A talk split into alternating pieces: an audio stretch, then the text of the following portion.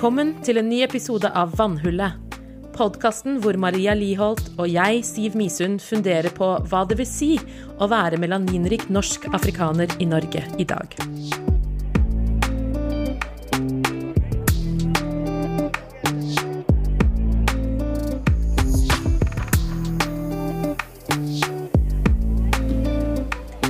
Hei, Siv. Hei, Maria.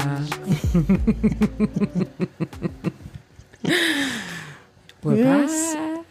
Vi er tilbake. Shit. Yes. To. Av, eller ja, andre episode heter det kanskje. Ja. Vi trenger ikke å si hvor mange det blir, for det vet vi ikke helt ennå. Sånn er det.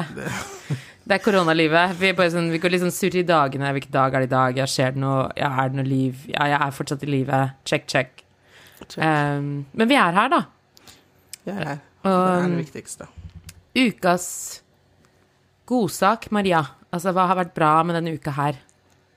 Kan vi ikke ta den til slutt? Vi må ende on a high note. Vi kan Å oh, ja, tar vi den til slutt. Det Fordi det nå? verste, Ok. det verste som har skjedd, da Eller ikke verste, da, men som er litt fortsatt irriterende, Ja. negativ, er, eh, er eh, koronas. Og at eh, Ja.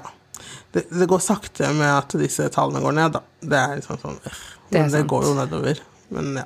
Men ellers så har livet vært egentlig veldig Går jo ned, og det er bra. Um, Mm. Jeg syns jo folk Ja Kan prøve å ta det litt med ro. Ta det med ro. Vet ikke.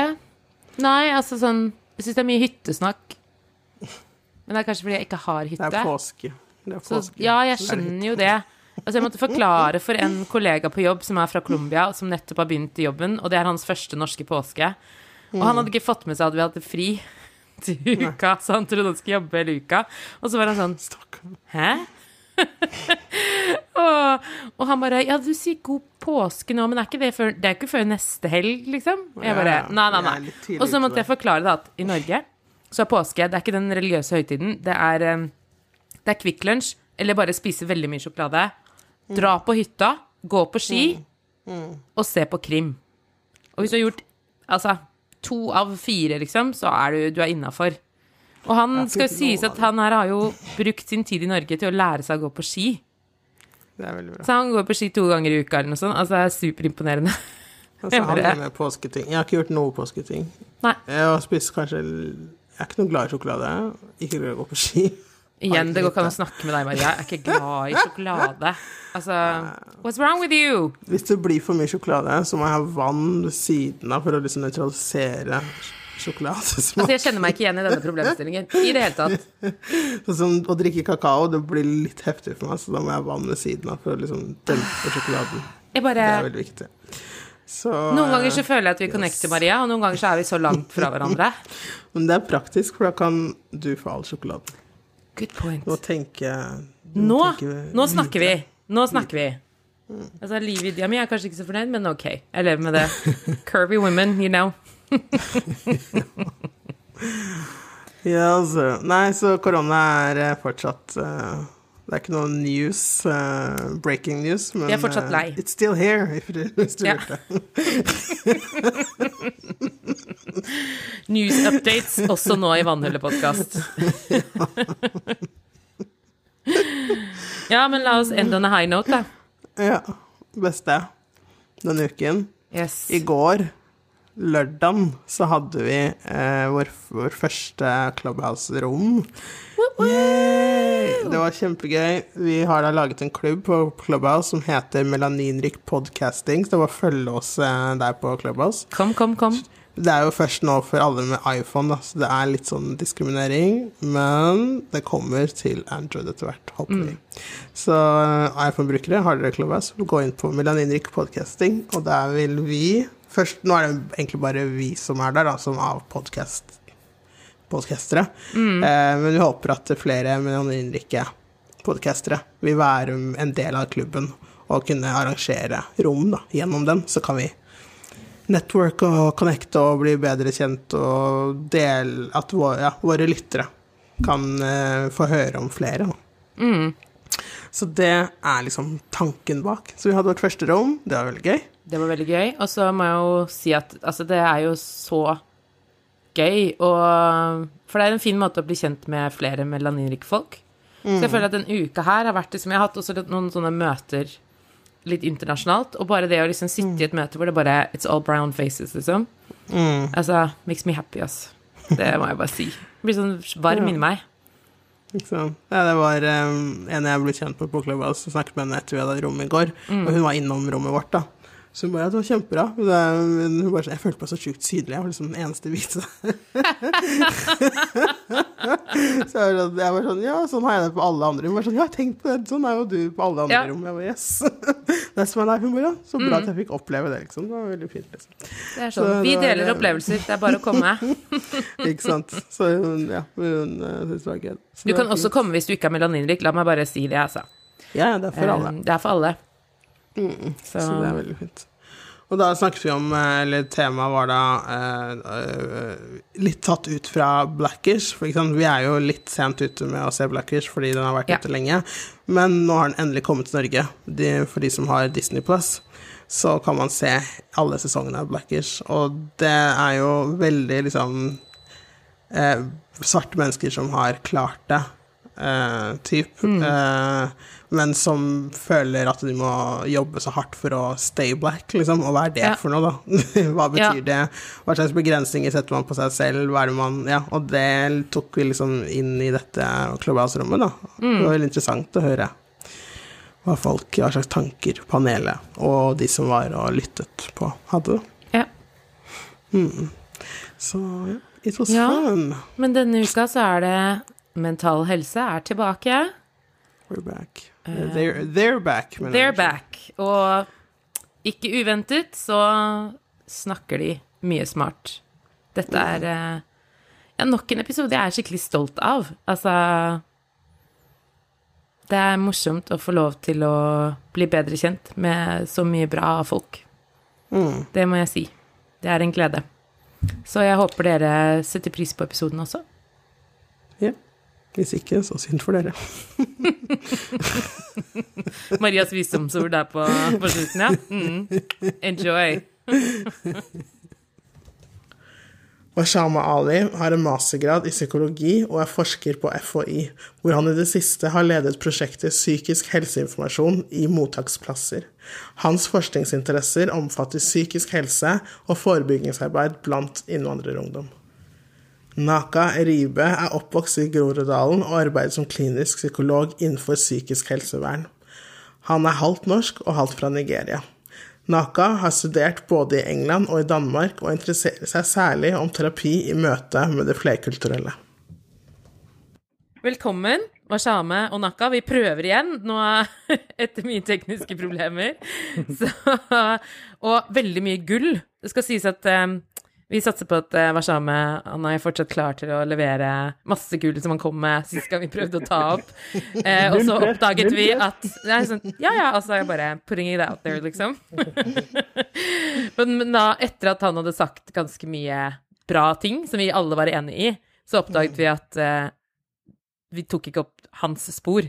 Av alle, liksom, som ble tatt opp, så var det bare eneste som ikke mm, mm, Ja, mm, mm, det var det som ble tatt opp. så, så vi håper på bedre resultat i dag. Men eh, ja.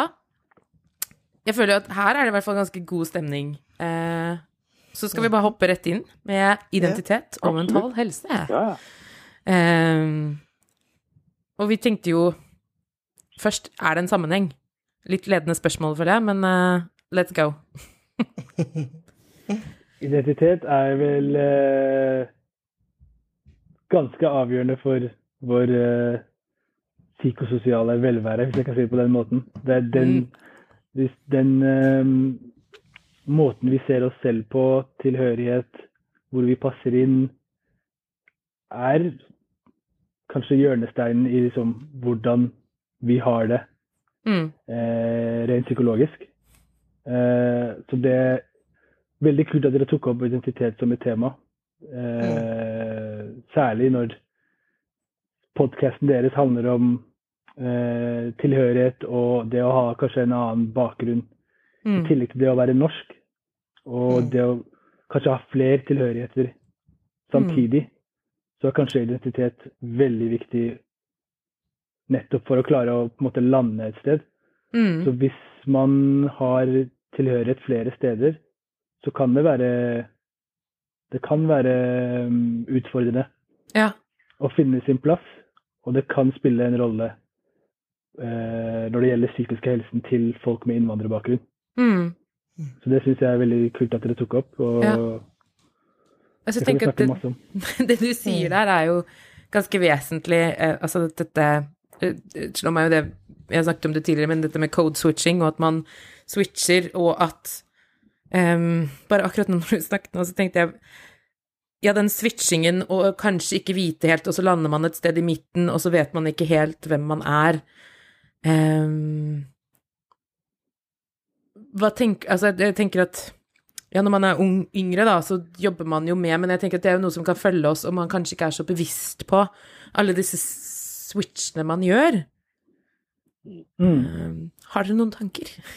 Jeg tenker at det måtte mm, Jeg syns at Mashama er inne på noen veldig gode eh, poeng med tanke på hva det vil si å ha forskjellige tilhørigheter. Ha en Mm. kombinasjon av forskjellige kulturer, forskjellige, forskjellige etniske bakgrunner som gjør at man um, i forskjellige settinger, som litt sånn som du sier, at man driver og cold switcher litt. da. Man, Mm. man, man tilpasser seg de forskjellige miljøene man er i. Mm. Eh, men skjæringspunktet som i hvert fall innenfor min, eh, min, mitt yrke, da, blir jo Mm. da når dette her skaper større problemer enn det det bærer frukter. Ja. Eh, når man, eh, og da tenker jeg en del på det å kjenne på en avmaktsfølelse fordi man ikke helt kan definere seg selv. da. Mm. Man har en majoritetsgruppe. Man Ja. seg ut fordi man er en del i den mindre gruppen, noe, noe som ofte kalles utgruppen. Ja. Som gjør at man liksom ikke har den definisjonsmakten eller har den der, på en måte, avgjørelsen på når man kan være hva. Ja. Mm. Og den, den, den stressoren tror jeg er med på å føre til at man kanskje kjenner på mer angst. Kanskje man Mm. kjenner på eh, mer sinne. Det kan medføre depresjon. Sånne ting. Mm. Altså, jeg tenker på det du sier nå, altså Utrolig viktig det der med å ikke få lov til å definere selv. Eh, og ikke få bestemme eh, hvem jeg er, på en måte. Og jeg tenker kanskje enda mer Altså, hva tenker dere om nå som vi er i en pandemi, og vi eh, Alle prøver liksom å Alle er litt i overlevelsesmodus. Um, og det blir kanskje liksom Ting blir satt litt på spissen. Um, tenker at det, det påvirker identiteten vår og Altså, vi vet jo at, at det snakkes mye om at det påvirker den mentale helsa til alle. Um, Men jeg tenker litt også på hvordan hvordan kan det ha en innvirkning på identiteten, sånn når vi kommer ut av denne pandemien? På et eller annet Veldig godt tidspunkt? spørsmål. Veldig godt spørsmål. Det er jo, jeg tror det har vært mye snakk om psykisk helse og pandemien, og hvordan Mm. det å være innelåst i lengre, lengre perioder, ikke ha sosial kontakt, hvordan det påvirker oss. Men Mm. hvordan det påvirker identiteten er en ganske ny måte å tenke på, egentlig. Ja. Og det tror jeg det kan slå ut begge veier. Mm. Du kanskje har de som eh, faktisk trengte et avbrekk, og Ja. fikk nå med pandemien litt tid til å se innover i seg selv Mm. som kanskje er en mulighet, kanskje en mulighet for folk som ikke har hatt det tidligere. Med Mm. ganske bu- busy lifestyle, mye Mm. som skjer frem og tilbake, jobb, eh, alt annet. Mm. Mens nå har de kanskje en mulighet til å, eller kanskje får en mulighet til å reflektere litt mer om hva er viktig for en selv, hva er det jeg prioriterer i livet, Mm. hvem er det jeg er i det store spillet. Mm. Eh, mens for andre så kan det føre til større utfordringer. Ja. Det kan Naka si også sikkert mye, mye om, men den der evnen til å reflektere og se innover Ja. kan jo slå ut begge veier. Det kan gi deg innsikt, men det kan også føre at du går i sånn dypere hull og får deg til å tenke mm, mer og mer negativt, og kanskje gå i de der tank tankefellene som kanskje lå der latent før Ja. pandemien. Ja, ja. Og nå, og nå med ikke noe hjelp og ikke noe kontakt med omverdenen, Mm. kanskje gjør at du, du faller litt mer ut, da. Mm. Så det kan slå ut eh, begge veier, tenker jeg. Mm. Mm. Jeg tenker også veldig mye på noe av det du sa, Warszawa, at de som kanskje har veldig mye å gjøre før denne pandemien slo inn. Hvor det ikke har vært så mye rom at man kanskje har vært veldig populær. Man har vært i veldig mange sosiale samkomster og på en måte man har hatt en sosial rolle. Mm. Mm. Eh, og så slår pandemien inn. Kanskje er man eh, Det er jo med på å øke ensomheten. Mm. Så er kanskje ikke de samme sosiale knytepunktene man har hatt, like relevante lenger. Mm. Eh, og det er jo med på å liksom føre oss ned i en, en bane som, hvor man da setter spørsmål på hvem man er. Mm. Er det faktisk noen som på en måte savner meg? Ja. Eh, Mm. det er kjipt å være Hele settingen her er kjip. Eh, eh, så noe med det å mister liksom det derre eh, takfestet, holdt jeg på å si, ja, ja. i hvem man er Mm. Et år inn i pandemien, det er jo, er jo interessant å, å se litt på en måte hva, hva det faktisk vil gjøre med oss. Mm. Eh, og det er det sikkert mange som tenker å forske på, eller kanskje allerede har forsket på. Nå har jeg ikke sjekket, Mm. sjekket opp i det. Eh, men det er veldig interessant, da. Mm. Jeg tror kanskje Eller eh, nå må jeg bare sortere tank tankene. Eh, at eh, For jeg var jo en sånn person som hadde, gjorde noe hele tiden og fløy rundt og sånn, og så fikk jeg barn i 2019, og det var sånn jeg drev fortsatt Hun var jo på Melafestivalen og var en måned. Under en måned, nesten. Så jeg skulle ha med dattera mi på ting hele tiden. Eh, og, og det var kanskje bra at pandemien kom, for da måtte jeg liksom sette ned tempo. Eh, men samtidig så fikk jeg en sånn en, en litt sånn egoistisk tanke, da. Som er sånn Yes, nå går jeg ikke glipp av noe, for nå er alle hjemme. Ikke sant? Ja, ja. nå er liksom Seriøs FOMO, liksom. ja. Sånn, nå kan jeg bare slappe av, fordi nå er liksom Nå er alle hjemme, og det som skjedde, skjedde på nett, og jeg, fikk, og jeg fikk fortsatt være med på masse, men jeg var hjemme. Eh, så for meg var det bare sånn vinn-vinn, ikke sant. Alle var i permisjon, da, på en måte. Ja. Det var ikke bare meg lenger. Du er ikke var- alene. Du er ikke alene der. Jeg tror, du er, jeg tror ikke du er alene og tenker den tanken. Jeg tror Mm. En ganske sunn tanke. Det er egentlig ikke egoistisk, fordi nå har du fått den muligheten til å bare slappe av litt mer, bruke litt mer Mm. tid med den som betyr mest for deg, Mm. uten forstyrrelser. Det er, jo ikke, det, er jo, det er jo det det ofte blir. Det er jo ikke det at du Mm. nødvendigvis er egoistisk og ønsker å gjøre alt, men nå må du ikke gjøre alt. Mm. Nå har du ikke det, nå har du ikke det presset eller det behovet like sterkt som gjør at du ikke bare ikke går glipp av noe, men du, har, du, har ikke, du trenger ikke det. Det er ikke noe som skjer. Mm. Så det er på en måte en sunn måte å tenke på hvordan bruke denne tiden mest effektivt. Mm. Og det er det, og det, er det jeg mener det kan slå ut begge veier. Ja. Og der, der, høres, det- der høres det ut som det slo ut veldig positivt. fordi det, det det ble, Pandemien ble plutselig en mulighet. da. Mm. Mm. Og det er jo måten man kan se det på i noen Mm. tilfeller. Men jeg skjønner jo veldig godt det du sier om at, at det å gå seg vill i tankene sine, at man blir sittende fast, da. I hvert fall Ja. nå som det på en måte strekker ut så, Altså så lenge som det har foregått, på en måte, og ja, kanskje vanskelig å, som du sier, få tak i støttepersoner, og man begynner å stille spørsmålstegn, og så begynner man med én ting, og så bare raser korthuset litt sånn sammen. Eh, og så tenker jeg at også hvis man kanskje er en veldig sosial person, sånn som Maria, som er mye ute og har masse treffpunkter med Så jeg tenker at noen ganger så glemmer folk at man må sjekke inn med de folka også.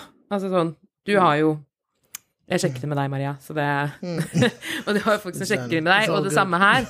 Men, men jeg tenker at det er Det er fort gjort at noen liksom faller litt mellom sprekkene fordi man er så vant til å bare være overalt at man kanskje ikke er helt fast med noen, da. Og da sitter man jo plutselig med en sånn følelse av at Og det trenger jo ikke være at disse menneskene ikke tenker på deg eller ikke savner deg, men de bare tenker at ja, men du har sikkert noen andre som du er nærmere, eller ehm, Tenker jeg da. Og, jeg tenker at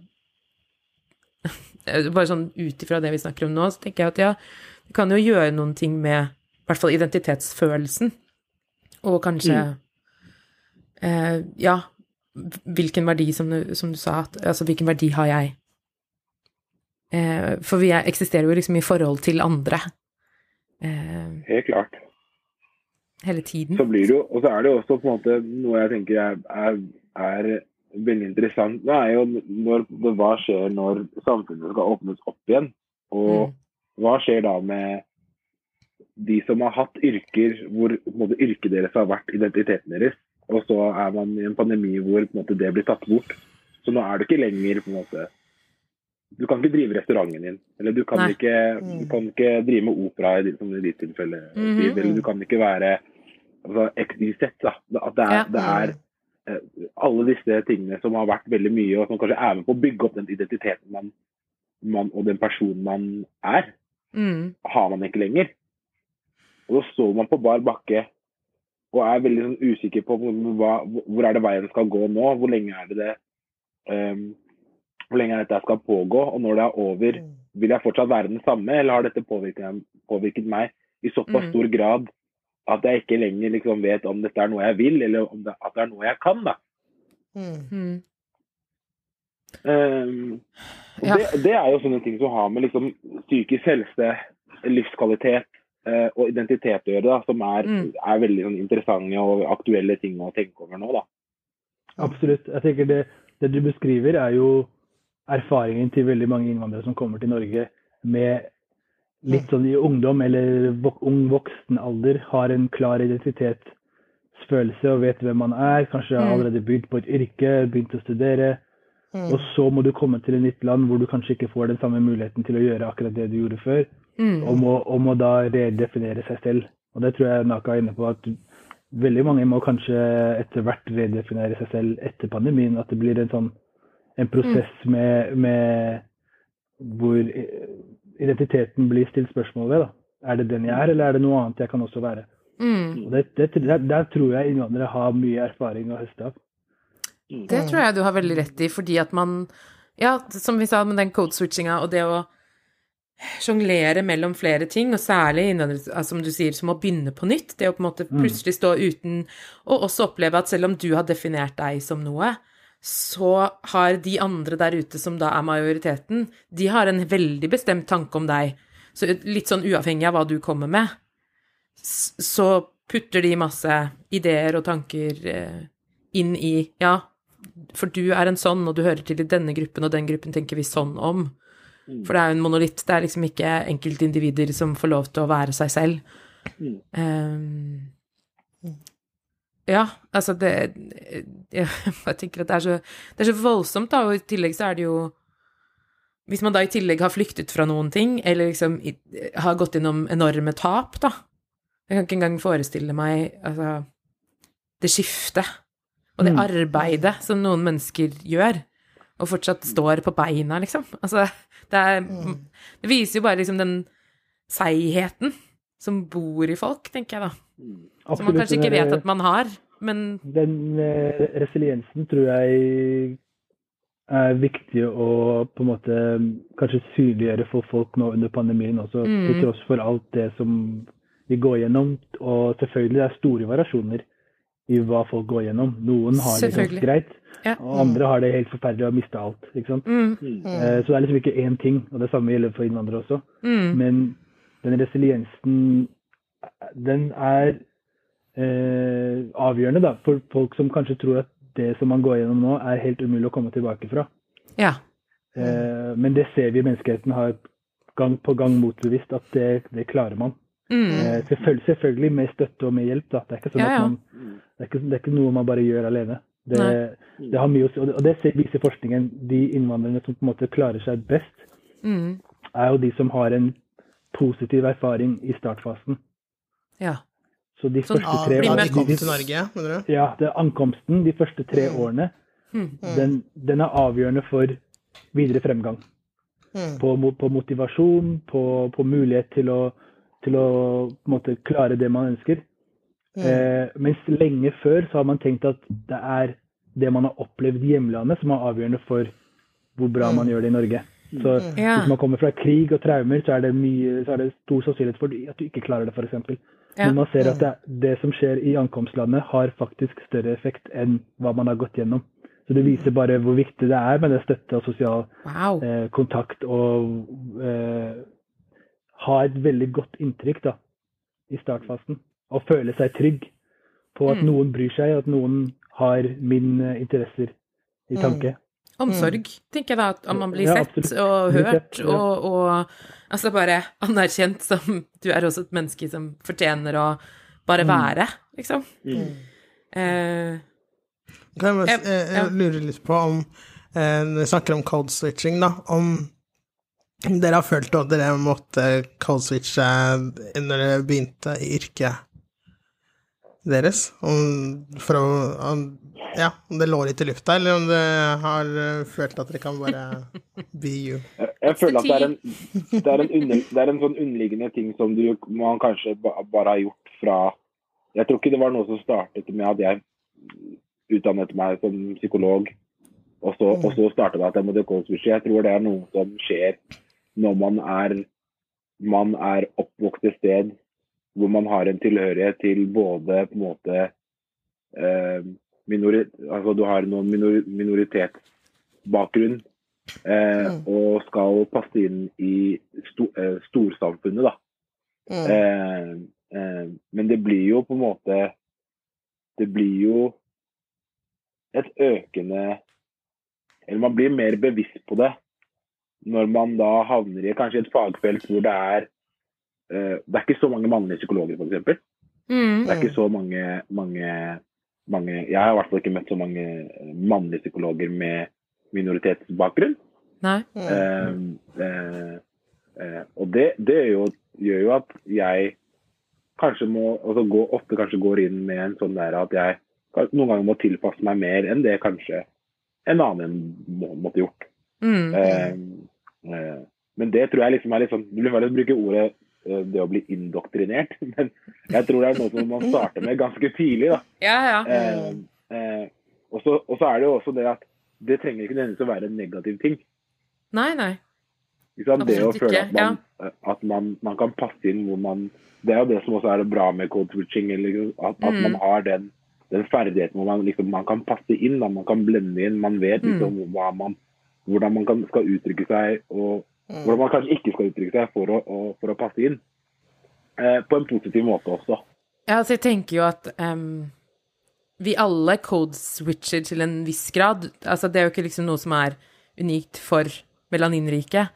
Eh, for vi jobber jo med å passe inn i forskjellige rom og i si forskjellige situasjoner. Og, altså, og sosial kapital, da, som du sier, det, det å kunne lese et rom og kunne skjønne hvem skal jeg være i dette rommet, eller hva, hva er det nyttig for meg å gjøre her? Men jeg tenker at avstanden blir jo veldig stor hvis det du opplever hjemme, altså det livet du har hjemme, er veldig annerledes enn det du har ute. Eh, vennegjengen din, og også det, dette bildet som blir prosjisert av omverdenen, av hva de forventer at du skal være, da, når du kommer inn i et rom. Og så må man i tillegg til å kanskje code-switche sånn som man gjør, i tillegg så må man også jobbe mot ideer andre har som de på en måte sender over på deg. Og jeg tenker at em, Er det noe dere føler at dere em, opplever når dere jobber ute, og som dere jobber med andre eh, folk med, da? Altså i forhold til Ja. identitet og hvordan det preger oss. Jeg tror Naka, jeg er veldig enig med det Naka sa, at det er ikke noe som plutselig oppsto under eh, yrkeslivet. Det er noe man har på en måte, det, er, det har vært der latent hele livet på en, på en eller annen måte. Så måte, man har justert det til en viss grad jo eldre man ble. Mm. Eh, men jeg har absolutt vært klar over det i yrkeslivet i den forstand at kanskje min største frykt som lå der ubevisst, eller til grader bevisst også, var Mm. i hvilken grad kan jeg unngå å bekrefte en sannsynlig fordom. Ja. Så det, det var på en måte en tanke som jeg husker alltid var der. Mm. litt, litt mer før enn nå.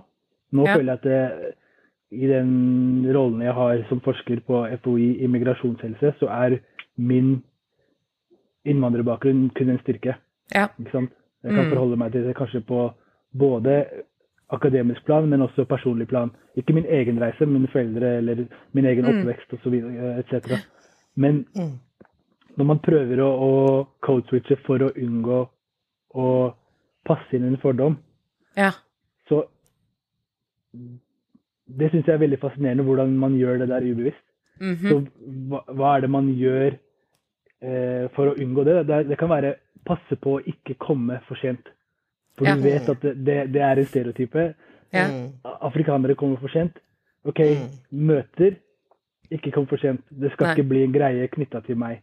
Fordi Mm. det er større sannsynlighet at hvis jeg gjør det, Mm. så blir det knytta til min etniske bakgrunn enn hvis en annen Mm. person gjør det. Ja. Mm. Det er liksom ikke Du har ikke lyst til å ende opp i den fella fordi det allerede er en greie som ligger der ute i samfunnet.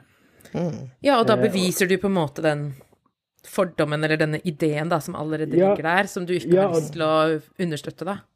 Ja, og det kan jo være at liksom veldig mange andre som jeg vet om er ofte forsinka, men de har en annen, de er etnisk nordmenn, og da, da blir det ikke en greie. Nei. Mm. Så da har jeg, jeg føler at jeg har mer å tape på en Mm. sånn greie. Eh, Ja. Når jeg først begynte i, i, i arbeidslivet. Det var liksom en greie jeg ikke ville falle under. Eh, det er liksom det er første eksempel jeg kom på, men det er sikkert flere. Ja, Ja, Jeg, liksom, tenker, jeg jeg hadde sånn greie med Jeg ville ikke gå med dyreprint på klær. Ja, det er sant, det. Sånn, fordi det var en sånn herre Å ja, da er du så afrikansk, og da er du sånn og sånn, og da er du sånn eksotisk og wild og alt mulig, liksom. Så jeg var sånn lang periode hvor jeg bare ikke ville ha å være i nærheten av dyreprint, da. Eh, Da tenker jeg litt sånn Ja, det er i samme bane, liksom, at man unngår å gjøre ting som man Jeg syns jo noe dyreprint var fint, liksom. Eh, men jeg valgte bevisst å ikke ha det på meg for å slippe disse stereotypene, da. Det er litt som den der Dave Chappelle-sketsjen, hvis du har sett den, hvor eh, han lever liksom et helt liv, prøver å unngå stereotyper. Så når Ja. han bestiller, bestiller mat på flyet, så sier de 'vil du ha kylling eller fisk'? Så vil han ha kylling, men han tar fisk. Fordi han, Ja, fordi han vet de kommer til å tenke det er kylling, så bare kan jeg få fisk. og jeg husker jeg så, og jeg husker jeg så den sketsjen som, som 15-16-åring og bare jeg har ikke kjent meg igjen så mye som eh, akkurat det. Unngå å spise kylling i, i offentlig, liksom, offentlig setting. Offentlighet, liksom. Ja, Ja. ja. Eh, sånn aldri, aldri banan spise også. banan. Aldri spise banan vannmelon. Vannmelon, helt uaktuelt. Ah. Ja, men altså, det er jo Men, men utrolig fascinerende. Mm. Ja, Naka. Ja, så tenker jeg også liksom sånn som det du sier, da, den derre problemstillingen i når man Det å være bevisst på på um, liksom Det med code switching, liksom det at, at man, man vet hvordan man skal gjøre det. Eh, Mm. og, og det negative dukker jo opp når man vet at man gjør noe for å unngå, unngå en ting. da. Mm.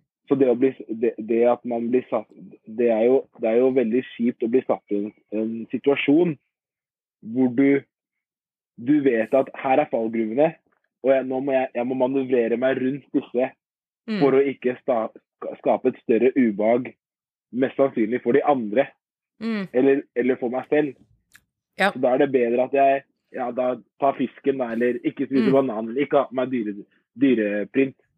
Men det er jo noen ganger sånn at man egentlig bare vil være seg selv. Da.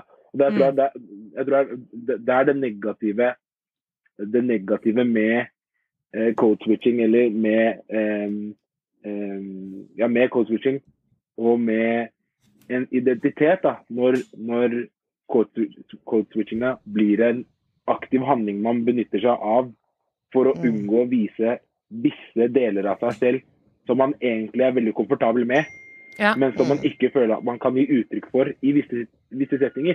Mm. Mm. Det er veldig godt poeng. Da, da er man mer opptatt av å tilpasse seg enn å faktisk vite hvem man er. Liksom, du bruker så Mm. mye tid på å tilpasse deg til ulike situasjoner, og du blir mm, du er, blir, til slutt blir perfekt i det. ikke sant? Du klarer å Mm. være en kameleon i enhver situasjon. Men i den søken og i den prosessen så har du droppa alt som har noe med deg selv å gjøre. Altså, det kan jo føre til en stor identitetskrise om noen år senere. Mm. Hvor du plutselig sitter igjen med hva er det jeg egentlig liker, eller hva er det jeg vil? Nå er, Mm. nå er jeg bare opptatt av hvordan det ytre definerer meg. Ja. Ja, og du justerer bare ut ifra det ytre. Du justerer ikke i forhold til ja, hva vil jeg, hva ønsker jeg, hvem vil jeg være? Mm. Eh, men det blir hele tiden en sånn Og jeg tenker at da lever man jo på noen andres nåde, tenker jeg da, hele tiden. Ja. Mm. Og jeg tenker at til syvende og sist så er det ikke holdbart. Altså, det, jeg tenker jo på et eller annet tidspunkt så bare eksploderer det i en eller annen form, Ja. da. Mm. Det blir som en trykkoker, tenker jeg at um, hva gjør dere hvis dere får en, har en sånn person foran dere, som dere ser har Det er et veldig sånn konkret og vanskelig å si når det ikke er en, en spesifikk person, men har dere noen tanker om om liksom Jeg tror det ligger det, jeg tror det ligger litt i, i, i, det, i det du sier. Da, sånn der, er, når man er bevisst på det, og man, hvis man aldri tar en sjekk inn, da. mm, Hvis man alltid går etter det ytre, eh, så vil det på et punkt, eh, punkt føre til problemer. mm, Eh, og det er ikke noe no- konkret sånn, Man kan jo si sånn på en måte Det er ikke gitt at det for alle personer vil, at det vil medført depresjon. Det er ikke gitt at det vil medført eh, angst. Men det vil, vil i hvert fall medført en dårligere psykisk helse. mm, Eh, eh, eh, dårligere enn i hvert fall da potensialet for potensialet kunne vært. da. ja, ja. Eh, Og da tenker jeg da er det bedre å ta, liksom bare ta og stoppe opp litt. Sjekke inn etter seg selv. Gi seg Mm. selv den pausen hvis det er det man trenger. Og så på en måte kanskje ta noen sjanser med å At noen ganger er det greit å være Noen ganger er det greit, er det greit å være litt mer høylytt enn det man Tenker, Hvis man er liksom. høylytte Ja. personen, liksom, enn Ja. det man tenker at er greit. At liksom Noen ganger så må man ikke alltid gå på andres, nå, andres nåde, er det det heter. Men at, at man bare liksom Mm, noen ganger er det greit å liksom være litt egoistisk og på en måte ta sine egne valg. Og, og så være fornøyd med at man i hvert fall har gjort noe for en selv. da. mm, Ja. Og så er det uansett umulig å kontrollere alles, alle rundt degs oppfatning av deg. Så Ja, uansett helt. hvor, hvor mye du bruker tid på det, uansett hvor, hvor lyst du har til å kontrollere det, så har du ikke det kontroll til syvende og sist. Så Nei, du, sant. det, det er et wasted project uansett. Eh, men for min del, som, som jobber mer i måte, forskning og ikke har pasienter, så er det en veldig interessant problemstilling det med hvordan klarer man å tilby den eh, refleksjonen i tidlig alder til en stor gruppe ungdom, Mm, for å se om det har en effekt på overall mental health. Hvis, hvis man kan yeah. se om det har en effekt på psykisk helse eh, hvis man får en mulighet til å reflektere det i tidligere alder. da. For Ja. vi ser at Mm. hvis man vokser opp og aldri tenker over det, aldri reflektert over det, kanskje kommer i godt voksen alder og bare shit Og eh, ender man opp Ja. med en sånn eh, identitetskrise? Er det en sånn Hvem er jeg nå? Fordi Full har liksom nedsmeltning, liksom. ja, jeg, jeg Ja. vet ikke om det er tilfellet, men jeg lurer på Nei. om det, det Hvis man ikke har hatt den muligheten i ungdomstida, som allerede Mm. er den perioden hvor man ønsker å finne ut hvem man er, det gjelder jo alle, Ja, hvor, hvor man passer inn. Eh, så det vi gjør nå hos oss på jobb, er å undersøke Eller vi håper vi får penger til det Mm. prosjektet. Og se på i hvilken grad kan man tilby en slags refleksjonspakke om identitet for ungdom, og hvilken effekt har det på psykososial velvære. Så det er et prosjekt fra USA som har sett på identitet, og, og, og innføre det som et, sånn, eh, et tema i skoler. Ja. Og, og der har de fått positive resultater og sett på liksom, ungdommene som har mulighet til å reflektere det i ungdomsalder, har en generell bedre psykisk helse enn ungdom som ikke har hatt den muligheten. Og det gjelder det ungdom med, med enten innvandrerbakgrunn eller Ja. minoritetsungdommer. Mm. Så det syns jeg hadde vært interessant å kunne gjøre eh, samme type undersøkelse i Norge. For det det merker jeg Vi, vi, vi, vi hadde jo ikke det. Vi hadde Nei. jo ikke det. Vi, vi liksom Broren til Naka, som, er, som jeg vokste opp med i samme klasse og basket og hele pakka, Mm. det var, det var ting vi snakket om privat eller utenfor skolen. Ja. Det var ikke noe som var tatt opp i en skolesetting. Det var ikke noe som var tatt opp av en voksen nødvendigvis. Det var noe vi bare var interessert i, og vi snakket om eh, både hjemme og ute. Ja. Der føler jeg altså vi var sikkert heldige at vi hadde mulighet til å ha den refleksjonen og ha diskusjonen hjemme. Men det er det sikkert veldig mange ungdommer som ikke har, da. Ja, jeg, tror, så jeg tenker jo at det blir jo et sånt problem som på en måte blir videreført fordi man som voksen heller ikke er vant til å snakke om disse tingene og syns det er vanskelig. Og hvordan skal da, man da ha de samtalene med barna sine hvis man ikke på en måte har noen verktøy? Og jeg tenker at det, som jeg hører at du sier der, er jo at ja, det er jo noe med å samle verktøy, gi folk en mulighet til å stille de, seg selv de spørsmålene, og så vil det selvfølgelig slå ut litt forskjellig fra person til person, men det er jo liksom, du kan jo ikke begynne noe sted hvis du ikke har noe verktøy. Mm. Jeg, tenker, jeg tenker ofte at, at liksom, vi må jo begynne med å gi folk noen verktøy. og Mm. så eh, til selvrefleksjon, da. Jeg tenker at det er jo sunt for oss alle. Um, og jeg tenker på det du sa med å dele, dele ubehag. Um, fordi vi snakket jo med Kamara, som var første episoden vår, og hun Mm. sa noe veldig fint om nettopp det at hun skjønte at hun hadde gått og båret på alt ubehaget. Og så har hun bare bestemt seg for at hun skal dele på det ubehaget. Mm. Uh, det syns jeg var en sånn fin Hun bare sånn For dette er en, en ukomfortabel ting som skjedde nå, og jeg må gå og bære på dette her uansett. Mm. Men hvorfor skal du få fri hvis du også var en del av denne Så jeg på en måte jeg code-switcher eller legger om og gjør ting for å gjøre deg komfortabel. Mm. Mens du er også ansvarlig for å skape det som skjedde her. Og uten å på en måte nødvendigvis skyld eller skam eller sånne ting, men, men bare La oss bare anerkjenne, som du sier, Naka, vær litt mer høylytt. Også hvis du syns at det er problematisk, så kan du kanskje gå i et annet rom, eller Mm. altså sånn Ja. Hvorfor må det det alltid være jeg som justerer, liksom? Ja. Mm. Eller hvis du sier ifra, så kan vi ta en diskusjon på det. Ikke sant? Det er veldig interessant, fordi det, det, men det er også en personlighetstrekk til en viss grad. Mm. I hvilken, i hvilken Ja. grad er det Folk er veldig forskjellige på hvor mye de skal bry seg, eller hvor mye de skal se rundt seg til enhver situasjon. Mm. Selvfølgelig, det er jo en grense som går over til eh, på en måte sykdom, hvor du bryr deg altfor mye.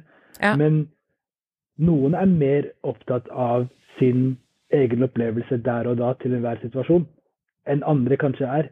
Mm. Og andre, andre så har du, På samme måte som du har e- ekstrovert og introvert. Mm. ikke sant? En introvert er mer Det er mer sannsynlig at den personen ikke vil bli sett til enhver situasjon. Ja. Og, og kanskje holde litt mer for seg selv. Mm. Fordi det å bli sett i hver situasjon er oppleves som slitsomt. Mm. Så det, det kommer også med inn i bildet, da, som kanskje gjør det litt mer komplisert. Mm. Mm. Ja, altså. Um, Ja. Og så vil jeg bare også påpeke at eh, det er bra i og for seg at man starter, eh, starter, eh, eh, starter Jo tidligere man starter, jo bedre er det jo Jo eldre man blir. Ikke sant? Ja. Da er det jo det er lettere for oss, men det er ikke for sent selv om man er voksen. Mm. Selv om man ikke har det verktøyet. Det er jo, Ja. altså, Da må man jo på en måte Da tenker jeg at man også må um, sette seg ned og liksom prøve, da. Begynne Mm. små. Det blir som å lære seg å sykle eller svømme eller hva enn det er. At man babysteps. Mm. At man gjør det, sjekker man inn med seg selv ett minutt om dagen, da, bare for å liksom ta en liten sånn innsjekk, sjekke temperaturen. Og gjør Ja. man det aktivt liksom hver dag eller en gang i uka eller hva enn det er, hva som, som passer en, da, så har man i hvert fall gjort det, og så vil det være lettere etter hvert. Mm. Eh, så det er ikke sånn at man, at man trenger et ferdig slepent uh, verktøy for å liksom få det i gang. Det handler om at det er noe man, ja. man, man må at man må, man må jo liksom skape det. Man må, og man må også holde det ved like. Mm. Mm. Så selv om man er, da en, er en ungdom som har vært med i forskningen i USA, da, som, som Mm. Warsame sa, og hvor man lærte alt dette med selvidentitet og at, hvordan man skal sjekke inn seg selv, og, men man aldri har benyttet seg av det, de verktøyene, Ja. så, så vil ikke det være til noe hjelp. Nei. Så det er også noe man, noe man aktivt også må gjøre Mm. uh, og, og, og benytte seg av. Da. Ja. Og da tror jeg det vil være lettere, lettere for, for en. Mm. Ja, jeg tenker er det er ikke, det er ikke, Identitet er jo ikke noe som er, eh, man blir ferdig med. ikke sant? Det er jo ikke Nei. fordi man har reflektert over det som ungdom, så har jeg en sett, statisk identitet som bli, blir, som blir værende Ja. resten av livet. Det, mm. Den forandrer seg hele tiden. ikke sant? Når man får barn, så blir man en forelder. Så blir det noe, en annen del av identiteten som, kom, som kommer inn. Mm. Det, er, det handler ikke om å nødvendigvis lande et sted. Men det er de verktøyene som du er inne på også, Siv. Det er å ha verktøy når endringer oppstår i livet. Mm. Ha, å ha den muligheten til å se innover, som Naka også sa. Og Ja, så evne til å sjekke inn med seg selv, da, tenker tenker jeg er så utrolig viktig. Og, For det blir forandringer. Vi er ikke Ja. den samme personen hele livet. Nei, så absolutt ikke. Og jeg tenker også det der med eh, å sjekke inn, eh, og også redefinere når man har behov for det, at, at det ikke er en statisk enhet. At liksom, ja, men nå har jeg plassert meg her, så da skal jeg bare bli her. Og alt som liksom ikke passer inn i denne boksen, som kanskje hadde vært gøy, eller kanskje hadde vært interessant, men jeg har bare bestemt meg for at dette, dette er meg, da. Men det er jo, og det er jo vanskelig, egentlig lettere sagt enn gjort, nettopp fordi vi, vi har snakket mye om hva er det vi kan gjøre for å ha det bedre. Ikke sant? Hvordan skal vi, vi se innover, som alt det Ja. der er viktig. Men samfunnet og systemet rundt har veldig mye å si på hvilken grad vi Hva er det vi putter verdi i? Mm, Hvilken, hvilken del av identiteten vår er det vi gir verdi? mm, Og det er det samfunnet ver- eh, syns er verdifullt. Så hvis vi bruker veldig, eller tenker at en stor del av min identitet er knytta til, min- til mitt arbeid, ja. hvorfor det? Mm. Er jeg mindre verdt hvis jeg ikke har den jobben? Mm. Er jeg ikke like verdifull? Og, men det er fordi i, i samfunnet i dag så ah, det, det handler om status. Det handler om Mm, hvem er det du er når du presenterer deg med den arbeidstittelen eller med den profesjonen, eller hva enn det måtte være. Og vi putter ofte verdi i ting som samfunnet syns er verdifullt. Og Ja. det er jo også skadelig, fordi samfunnet må også klare å på en måte redefinere verdi. Da Mm. mener jeg menneskelig verdi. Er vi kun Ja, ja. verdifull fordi vi er nyttig for denne arbeidsplassen? mm, Eller er vi verdifulle fordi vi er andre ting også, som er viktig for, eh, for mennesker? Så det er på en måte Samfunnet spiller en stor del av grad liksom, hvilken, på vår psykisk helse. Det er ikke nok å mm. Jeg føler det er veldig mye fokus på Nå mener jeg ikke oss, jeg mener samfunnet Nei, nei. generelt. Veldig, Ja. veldig mye fokus på Nå skal vi snakke om psykisk helse på skolen, og så er det Ja. veldig mye fokus på hvordan elevene skal se innover. Mm. Men hvordan skal elevene forholde seg til samfunnets forventninger, som kanskje er urimelige, da? Der tenker jeg at du er inne på noe, ja. i, i hvilken grad har elevene til å stille, stille kritisk spørsmål til Mm, samfunnets ehm, eh, samfunnets eh, verdimål? mm, Samsvarer de med mine egne? Ja. Og har jeg rom til å si at det er ikke så viktig for meg, det er kanskje viktig for deg eller læreren eller samfunnet, men jeg Mm. syns ikke det er så viktig. Men jeg vurderer Eh. ikke at det er så viktig for meg. Ja. Ja, ja. For det tror jeg er viktig også å kunne spille inn, fordi vi kan jobbe så mye vi vil innover, men hvis du ikke har det grunnleggende på plass, så har du ikke bra uansett. Nei. Nei, det tror jeg Altså, jeg tenker at det er liksom til, til mitt neste spørsmål om ja, definisjonsmakt, altså hvem som har definisjonsmakt over hva som er viktig, eh, hva som er vår identitet, eh, og narrativet som er i samfunnet vårt, da, og som du sier, hva er det som har verdi? Um, jeg tenker mye på den, altså, human being kontra human doing. Eh, og vi er jo veldig en sånn doing som Altså, det å ta en pause, for eksempel. Eh, jeg ser mye nå i det siste hvor folk også er på en måte har en sånn slags fatigue. At man, man er utslitt. Samtidig så føler man at man ikke kan stoppe, for man skal jo jobbe allikevel, selv om man har hjemmeskole og har liksom altså 10 000 ting som skal skje samtidig. Eh, så skal man jo være produktiv, for det må man jo være. For nå slipper man jo reise fram og tilbake til jobb.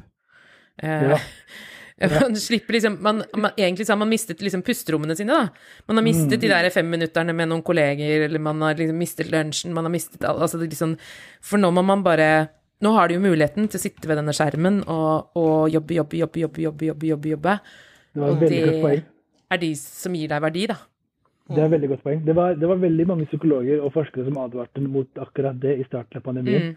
Fordi det var veldig mange som Å, nå har vi masse, masse dødtid. Hvordan være mest produktiv? Og hvordan kan vi få til så mye mer enn vi kunne før? Mm. Og det er på en måte skadelig for noen, da. Fordi det er jo Nå føler du press på det òg. Skal du Ja. føle press på nå er, nå er det ikke noe som trengs å gjøres, og nå må jeg gjøre noe sykt. Og folk sendte hverandre sånne Husker dere dere memes av hva som ble oppdaget under tidligere pandemier? Eh, Shakespeare skrev alle disse tingene når det var liksom spanskesyken. Hva skal du gjøre under pandemien? Det er sånn Jesus. Oh my god. Det Det er selv. Sett i gang! Da jeg kom, eh, etter jeg leverte i barnehagen om morgenen, så setter jeg meg ned på, for å jobbe, og så sitter jeg der til jeg skal hente i barnehagen igjen. Det har kanskje vært og hentet vann, liksom. Men så Mm. sitter sitte Og så er det den Så heldigvis så har jeg, er det et kvarter å gå til og fra barnehagen. Eh, Så da får jeg en time eh, times eh, tur hver dag, da. Men det er bare pga. Ellers så hadde jeg bare sittet og jobbet og sånn, og så hadde jeg gått hjem. Mm. Så det er veldig Nei, jeg kjenner meg veldig igjen i det der, altså.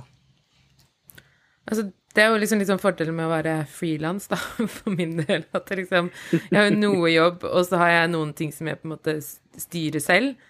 Men, men jeg kan bli veldig fanget i den der produktivitets... eh, Fordi endelig har jeg tid til å ja, øve inn alle de tingene som jeg ikke har tid til å øve på ellers.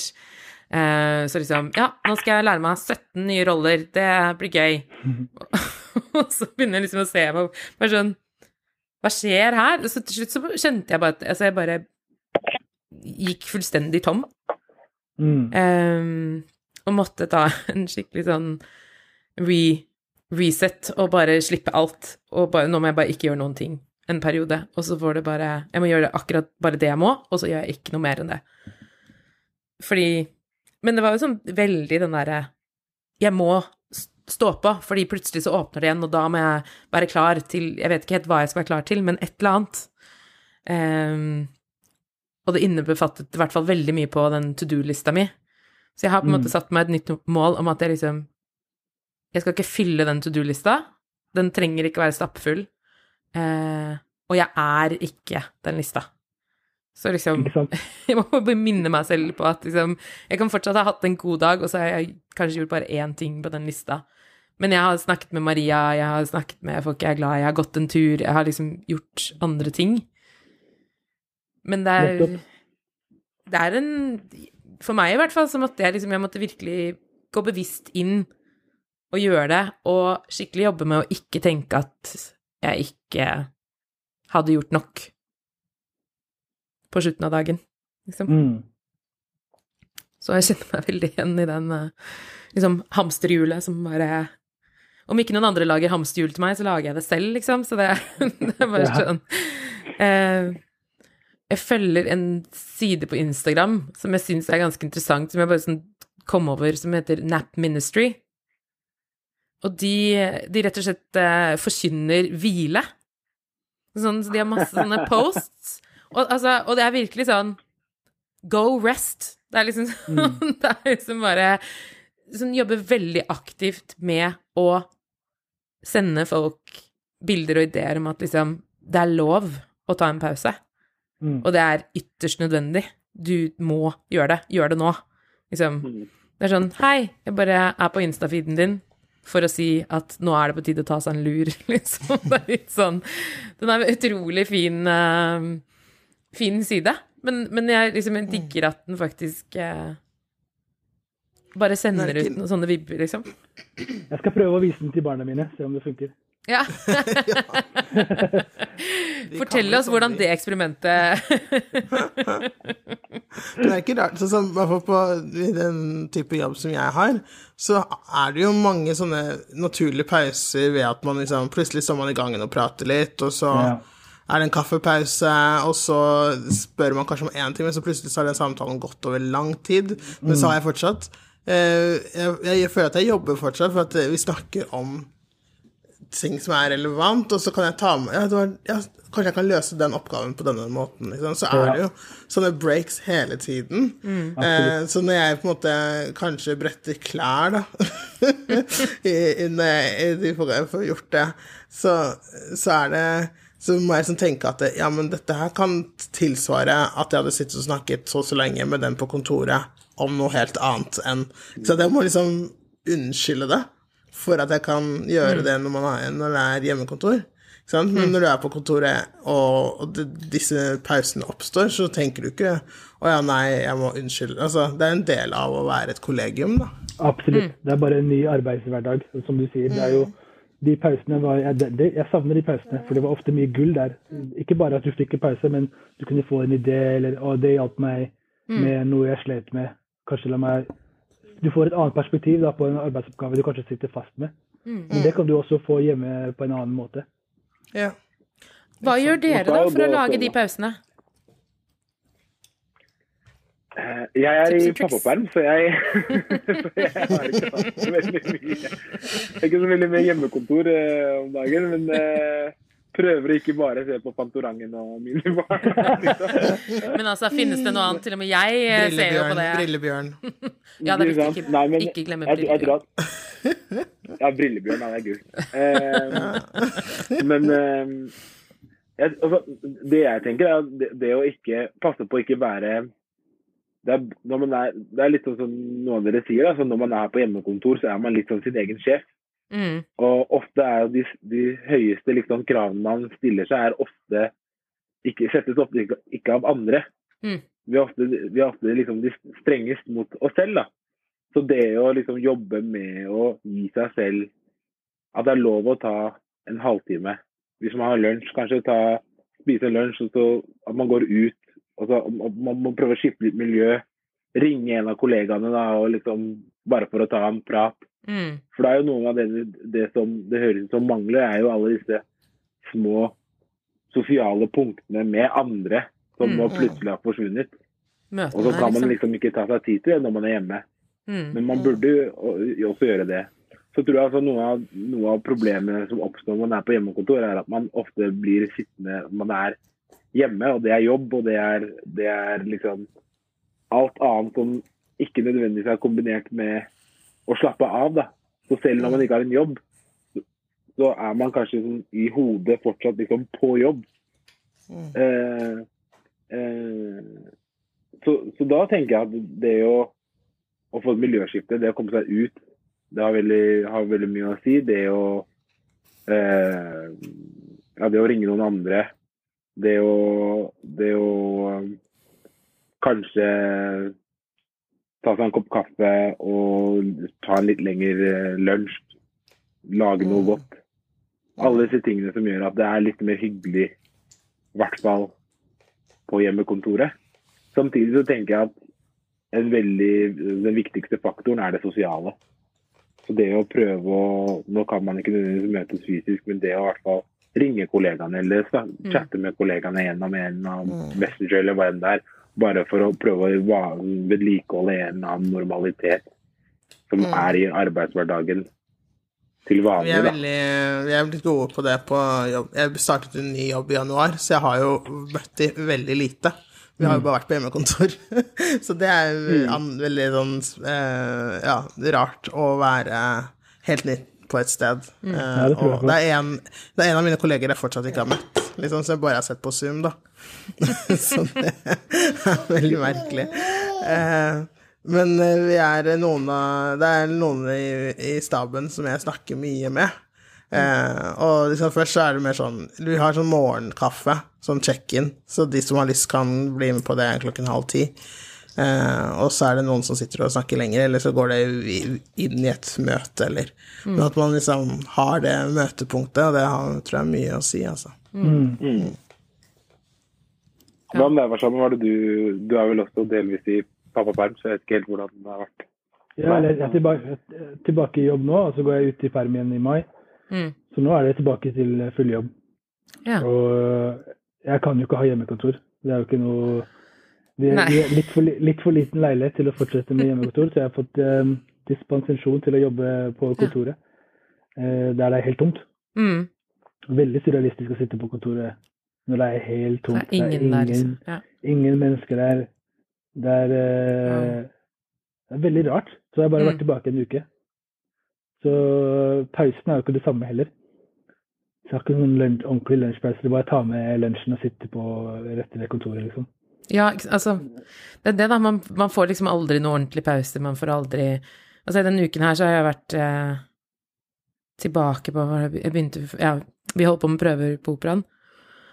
Eh, og de har holdt på med produksjon før, men jeg har hatt hjemmekontor fordi vi jobber jo både digitalt med teksting og, og også sitter og roper til folk. Um, så det får jeg betalt for. Eh, men jeg kjenner jo Altså sånn sånn uken her begynte så bra. Eh, bare det å få være i samme rom som folk Altså, vi må teste oss hver dag. Så jeg, eh, sånn, hver dag jeg skal på prøve, så må jeg teste meg.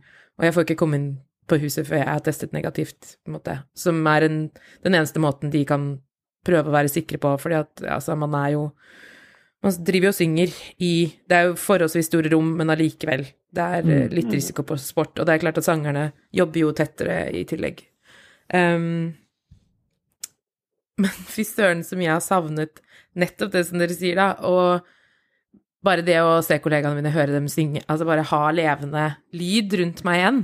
For det er jo noe jeg egentlig er veldig, veldig vant til å ha mye av. Og en ting er at jeg kan lage den sjæl, men nå må den felles, felles lyden eh, Men også, det slo meg liksom Jeg satt i kantina med kollegaene mine og bare lo.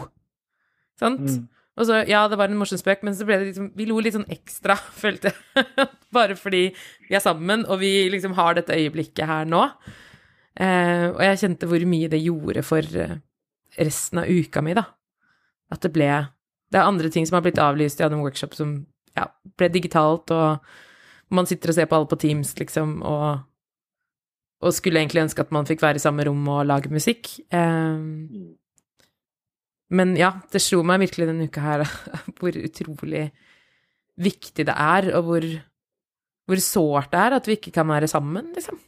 Mm. Tenker jeg da. Altså hvor eh, Og jeg tenker at det også sånn identitetsmessig så eh, Jeg vet ikke. Altså, vi har jo snakket om det, det Hva skjer etterpå?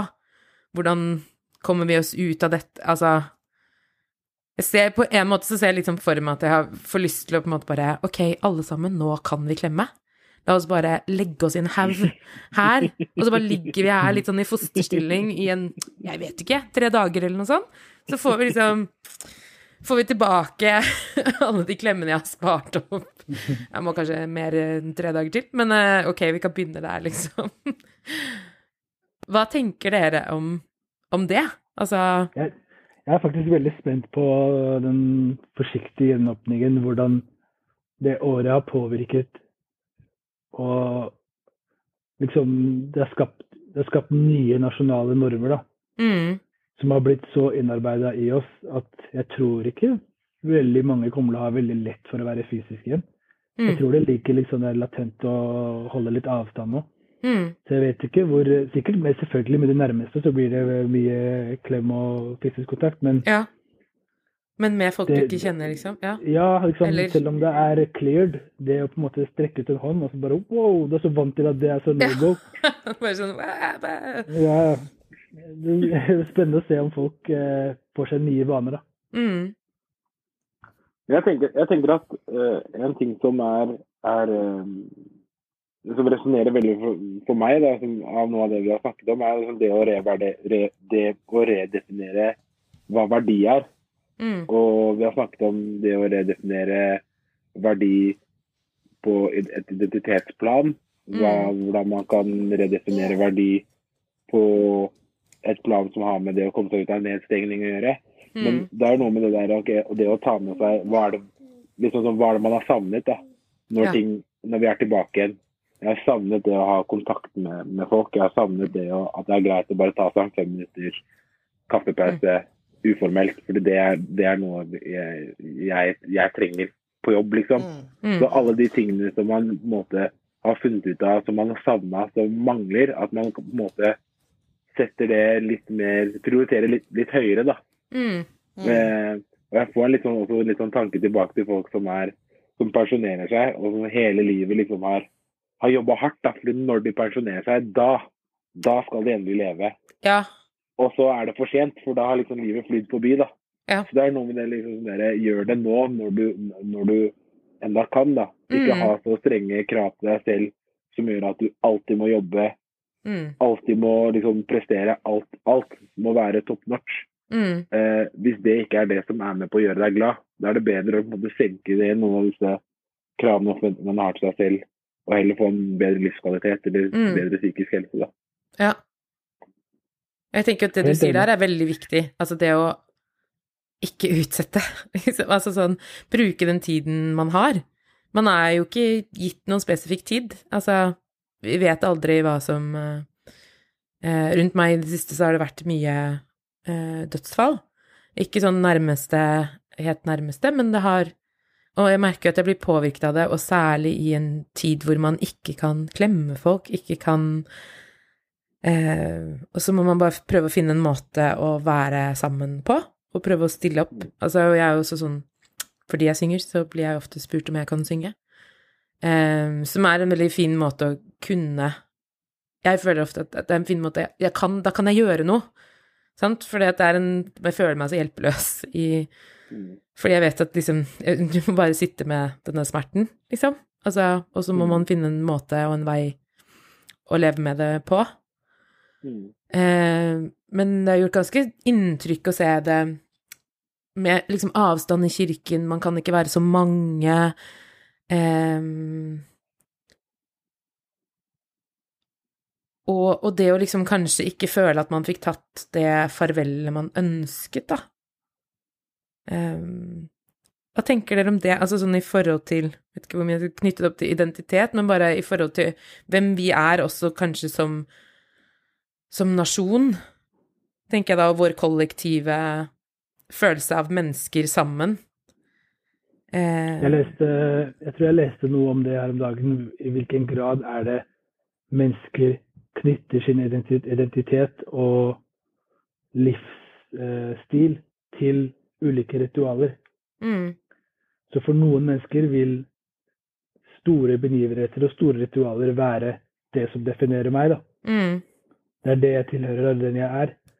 Og nå som pandemien har på en måte shut everything down, i Mm. hvilken grad er det det påvirker menneskeidentitet, tilhørighet, alt det der som blir borte. mm, Jeg tror det er veldig mange Og vi ser jo det at folk trosser eh, smittevernregler. Uavhengig Ja. av bakgrunn, men det kan være noe de har lyst til å gjennomføre. Om det er bryllup, begravelse, mm, eh, en, en eller annen begivenhet. Og jeg tror for noen, og det er veldig lett å dømme dem. det er veldig lett å si Se på de idiotene her som trosser smittevernregler. Eh, skaper større pro problemer for oss. Og den Mm. stigmaen og er jo selvfølgelig ganger ti hvis de Mm. har innvandrerbakgrunn som, Ja. som, gjør, som, gjør det, som gjør det.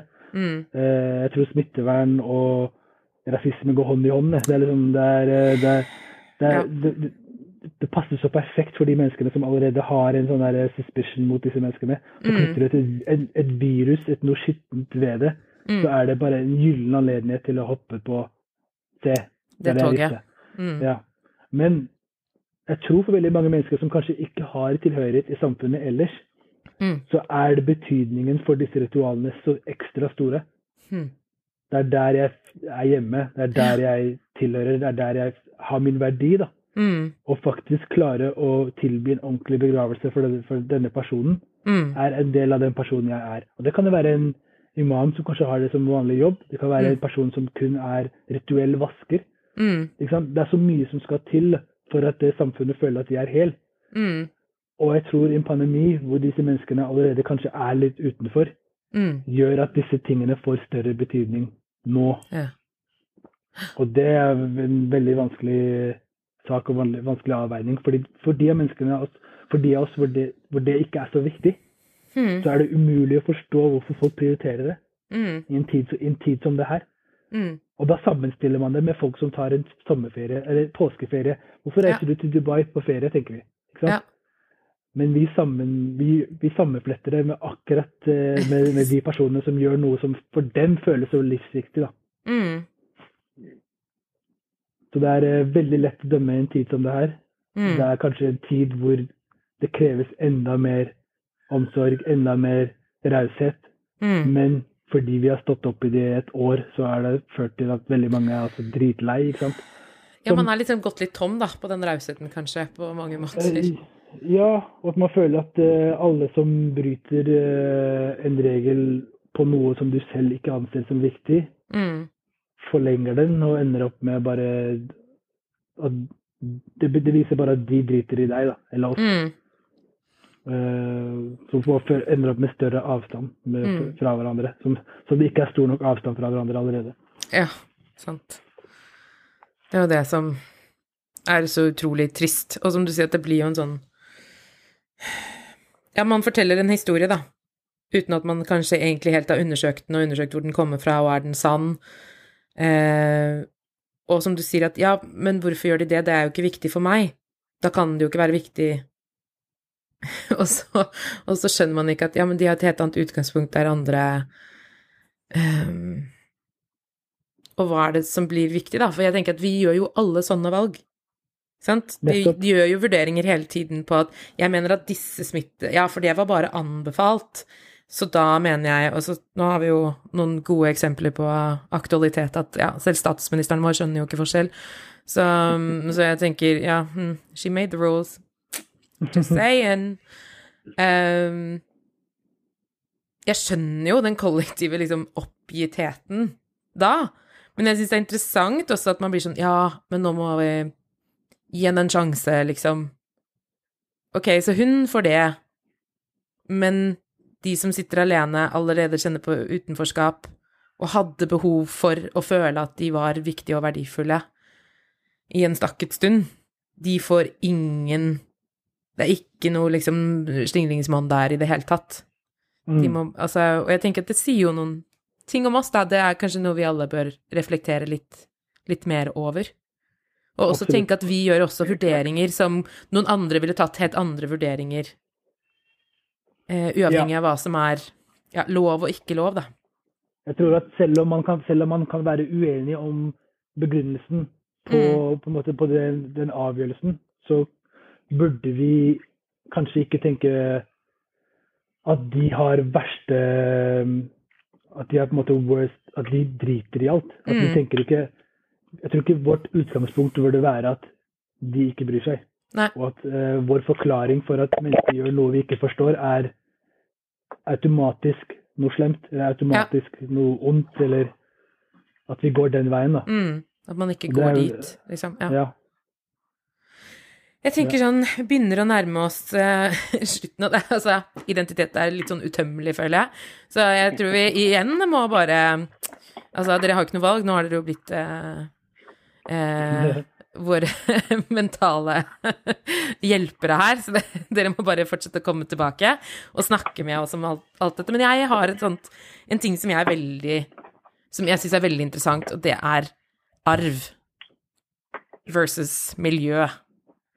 Som jeg føler liksom er en sånn Man kommer ikke unna det når man snakker om identitet.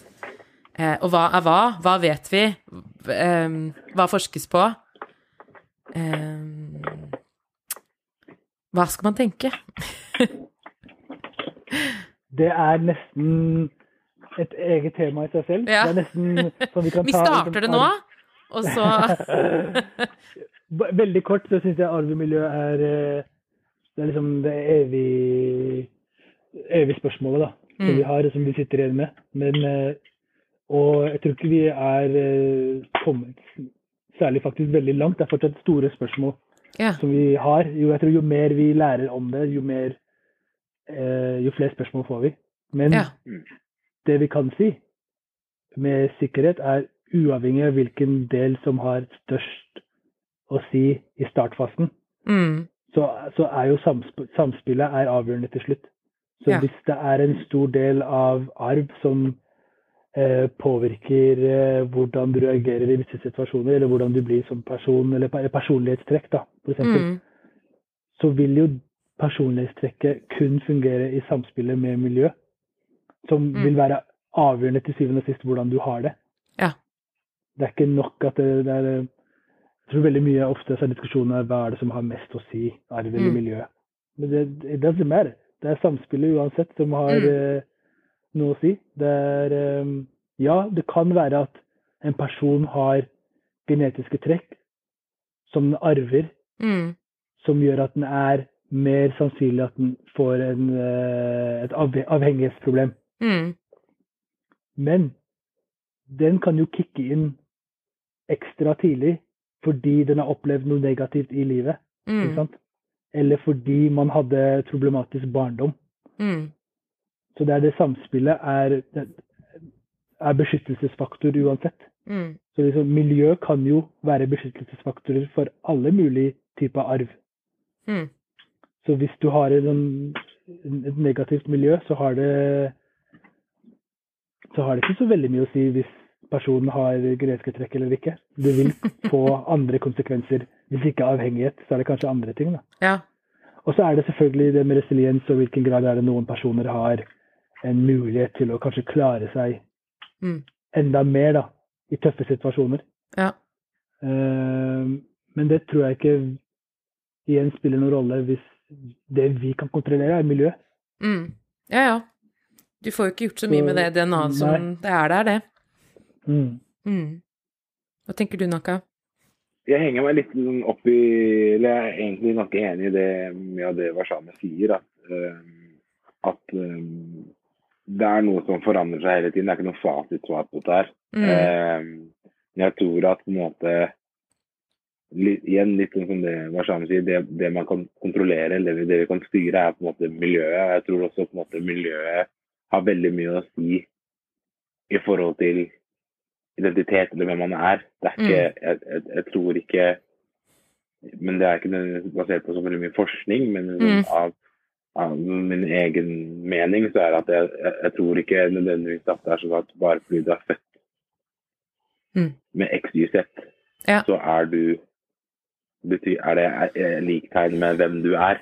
Jeg Mm. tror det har mye mer å si på en måte i det miljøet og alle de faktorene rundt, rundt det som er med på å påvirke på en måte hvordan man ender opp med å bli. da. Mm. Uh, eh, og det tror jeg også mye i hvert fall nyere forskning tyder på, da, at på en måte miljø faktisk har mye mer å si enn en hva arv har. da. Mm. Eh, kort fortalt. Mm. Ja, nei, det, altså det, det er et stort tema, og det er mye å snakke om. Og, og ja, det er mye man ikke vet, og det dukker opp liksom flere spørsmål. Når man har måte, begynt å besvare noen, så er det bare sånn Å ja, her var det bare trickle down eh, En sånn evighets... eh, altså, jeg syns jo det er interessant fra et sånt eh, eh, Altså, som adoptert, da, så er det jo interessant at liksom Ja, ok, hva er i meg, og hva Jeg tror jo for min del at eh, miljøet har hatt utrolig mye å si for meg. Eh, men det har også handlet om å bli sett for den jeg er. Fordi jeg har ting i meg som måte kanskje ikke nødvendigvis altså Sånn som dette med musikken. Så ingen av mine foreldre er spesielt musikalske, men de er veldig glad i, i kunst og musikk, så de har på en måte tatt meg med og sett det hos meg veldig tidlig. Og sørget for at jeg på en måte fikk trent musklene mine på Altså fikk sangtimer, tok, tok pianotimer, og altså Ingen av de kan jo synge reint, liksom, eller spille piano eller ta på et instrument, eller liksom Men jeg har jo alltid hatt satt veldig pris på kunst, da, så det er jo, jeg har jo blitt utsatt for det, på en måte. Em, men det, det vet jeg jo med meg selv, at det er en av de tingene jeg er veldig takknemlig for, er nettopp denne følelsen av å ha blitt sett for hvem jeg er, uavhengig av om det var noe som ble speilet hos dem, at de gjorde det samme. Men de så at å ja, dette er sterkt hos henne, la oss liksom oppfordre og få det til å vokse og gro. Mm. Um, så for meg så føler jeg liksom Jeg føler at jeg er veldig påvirket av miljøet mitt rundt meg. Men det er noen ting som har bodd i meg som de har på en måte Ja, de har liksom vannet det, da. Sånn tenker jeg på det. At, at de, de har vannet og gjødslet og slengt på litt ting og kommet med noen nye ideer og Og så har det liksom Jeg har blitt til Blitt til dette. Mm. På godt og vondt. Ja, det, var, det var et godt eksempel. Det var et veldig godt eksempel. Ehm, ja, vi har jo snakket før om uh, hvor vi kan finne dere, men dere kan jo si det igjen. Hvor finner man dere på sosiale medier? Eller er dere på Eh. sosiale medier i det hele tatt? Eller Nakka.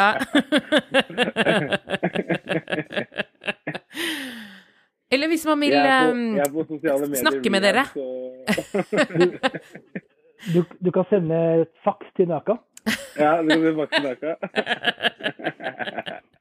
Dial in.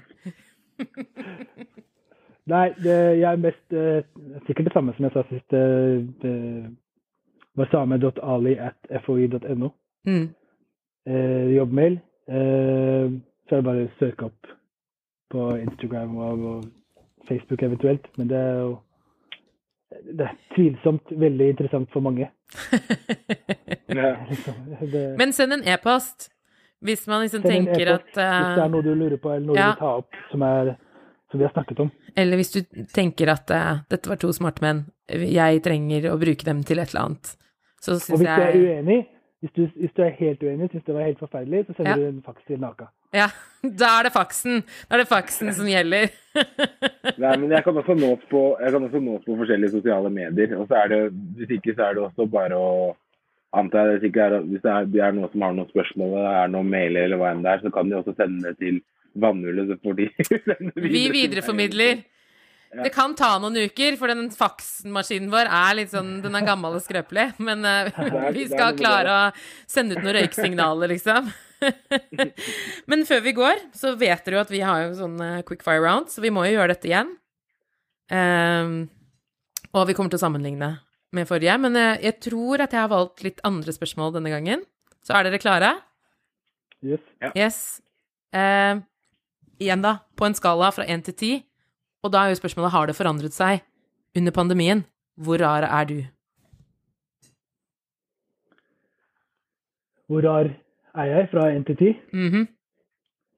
Eh, Jeg tror faktisk jeg er mindre rar enn jeg var før. Så jeg husker ikke hvor eh, jeg svarte før. Før hadde jeg litt mer tid til å utforske min rarhet. Ja. Nå, nå er det liksom Nå er det småbarnspappa.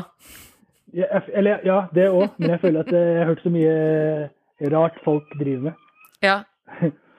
under pandemien. Så jeg føler meg ganske normal når jeg hører hva folk eh, Du har bare du har nedjustert uh, ut ifra Ja, hva som har lekket ut.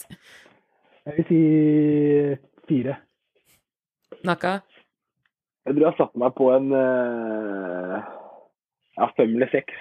Jeg, tror, jeg har heller ikke noe sånn, gjort noe veldig sånn syke ting, i hvert fall eh, de, dette halvåret av pandemien. Eh, Klart å holde deg rolig.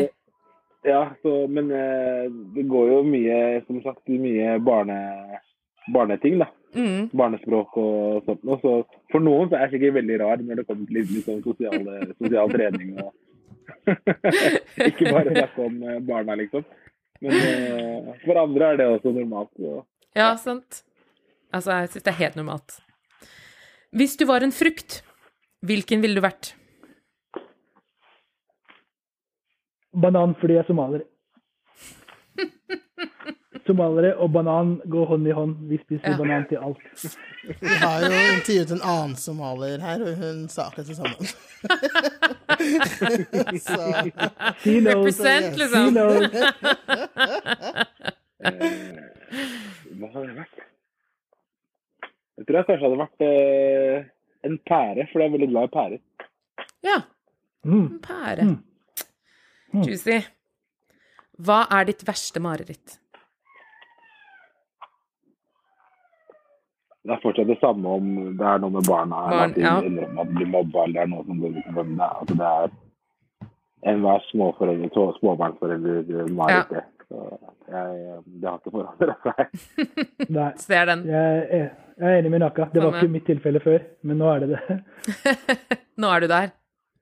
Nå er det det. Jeg føler med Naka. Mm. Det er sånne tanker som bare dukker opp. Sånn, hva om? Ja. Nei, hva om de blir Og så er man litt hjelpeløs, for man er egentlig ikke i den situasjonen, men man vet ikke hva man skal gjøre. Så det, det er liksom det er et mareritt, det. Altså. det er det. Ja, eller at man, eh, man ser på noe som man kanskje ikke tenkte over. Man ser noe på TV, Ja. og så bare Oh, shit. Det hadde jeg ikke tenkt over. Må jeg Eh, tenke på dette, liksom? Ja. Ja, mye mer eh, følsom nå enn før. Mm. Mm. Nevn én ting som folk tror er sant om deg, som ikke stemmer. Uff. Hva tror folk er sant om meg, da? Jeg vet, jeg, jeg innser nå hvor lite jeg vet om hva folk tror om meg.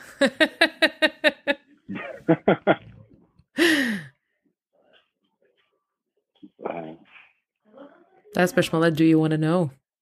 Hva er det? Kanskje, jeg tror kanskje det at jeg, jeg er ofte pissnervøs når jeg skal holde innlegg. Mm. Men uh, heldigvis klart å finne en måte at det ikke er så synlig, så folk tror at jeg aldri er nervøs. At du er veldig rolig, Men, liksom? eh, Ja. Men eh, jeg er det. Så det må være det, det, eneste jeg kommer på. ja. Uh, nei, det står litt stille for meg, men jeg tenker kanskje at eh,